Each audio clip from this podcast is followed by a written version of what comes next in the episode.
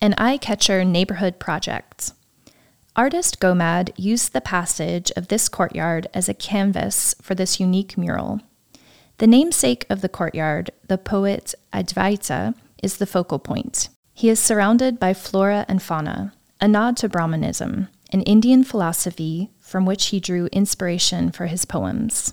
Gomad held onto his unique style, in which eyes, plants, animals, and organic color forms play an important role, but also crawled into Adwaita's head.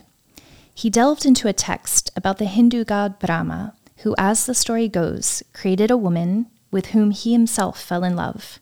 She tried to escape his love struck stares, but each time he grew another head so he could keep looking at her.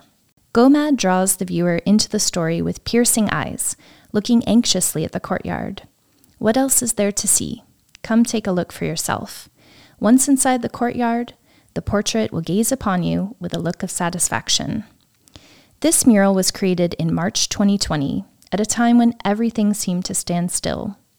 Homebound residents saw a work of art coming alive right in front of them. It has given a bright spot for the residents, a more beautiful entrance to the courtyard, and positive energy for the city.